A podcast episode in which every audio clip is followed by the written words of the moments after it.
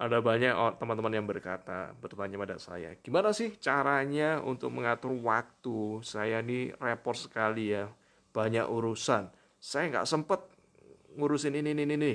Waktu 24 jam itu terasa kurang sekali. Nah, pada podcast episode kali ini saya akan membahas cara mengatur waktu dengan sangat efektif dan menjadikan hari-hari Anda lebih produktif.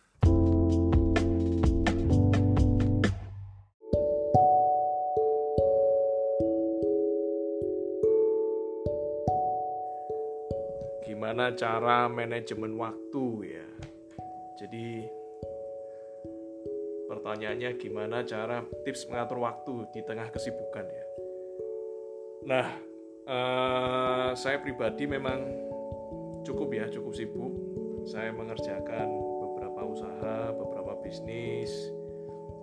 Saya juga sampai sekarang pun juga masih ini ya, masih kuliah ya, masih studi ya, kuliah malam. Dan itu sudah bertahun-tahun saya lakukan. Jadi sudah bukan kali pertama mulai dari saya ambil S2 manajemen, lalu saya ngambil S2 hukum, sekarang pun saya ngambil SH ya, hukum juga. Itu kuliah malam semua dari jam 7 ya sampai jam 6 sampai malam ya sampai jam 11 jam 10 jadi sampai rumah itu jam 11 belum kerja tugas atau melembur pekerjaan yang lain lalu saya aktif juga di sini ya di Digipreneur nah gimana cak? Saya juga aktif juga bisa baca buku saya tetap bisa jalan-jalan saya tetap bisa melakukan hal-hal yang lain. Nah tipsnya gimana sih di tengah kesibukan anda? Ya prinsipnya tadi seperti yang tadi sharingkan ya.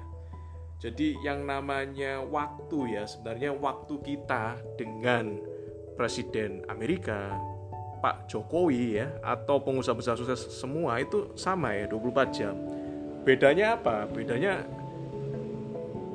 ketika waktunya sama, sumber dayanya sama tetapi orang lain bisa melakukan jauh lebih besar daripada yang kita lakukan, berarti ada sesuatu yang bisa kita pelajari. Nah, saya pribadi tips pertama adalah membuat yang namanya to-do list ya, to-do list apa itu to-do list ya? Buat teman-teman yang belum membuat to-do list, segera buat ya. Apalagi kita berbisnis ya, Anda harus buat yang namanya to-do list. To-do list itu bisa berupa agenda atau Anda bisa pakai yang namanya buku kosong, macam-macam. To-do list ini sudah saya praktekkan udah lama ya. Mungkin waktu saya SMA ya udah saya praktekin ya.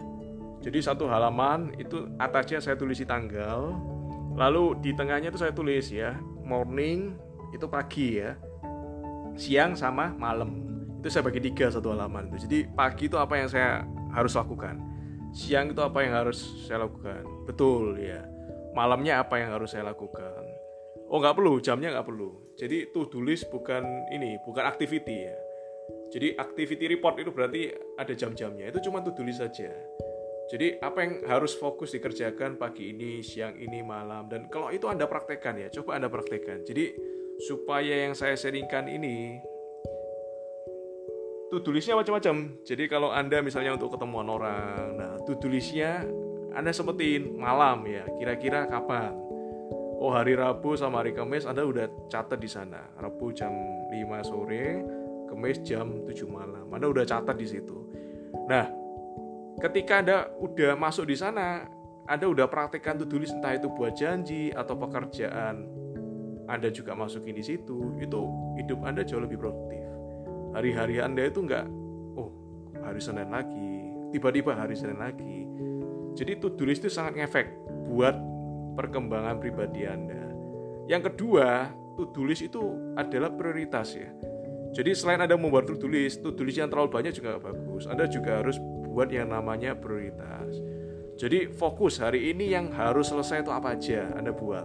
Besok yang harus selesai itu apa aja Anda buat besok lusa yang harus selesai apa aja Anda buat. Nah, jadi dan prioritas itu nggak usah banyak-banyak, sehari tiga aja prioritas. Jadi di pick up tiga dari aktivitas itu apa aja, tiga di pick up. Itu yang terbaik. Dan yang terakhir adalah delegasi. Jadi Anda punya to-do list, Anda juga punya yang namanya prioritas. Yang ketiga jangan lupa delegasi. Delegasi sama tim, delegasi sama orang lain. Jadi jangan semua pekerjaan itu dikerjakan sendiri ya siapa pun kalau pekerjaan dikerjakan sendiri nggak akan bisa sukses ya. Kita sukses gara-gara ada tim ya. Kalau nggak ada tim kita nggak akan bisa sukses. Tiga itu anda praktekkan pasti bisnis online anda akan maju luar biasa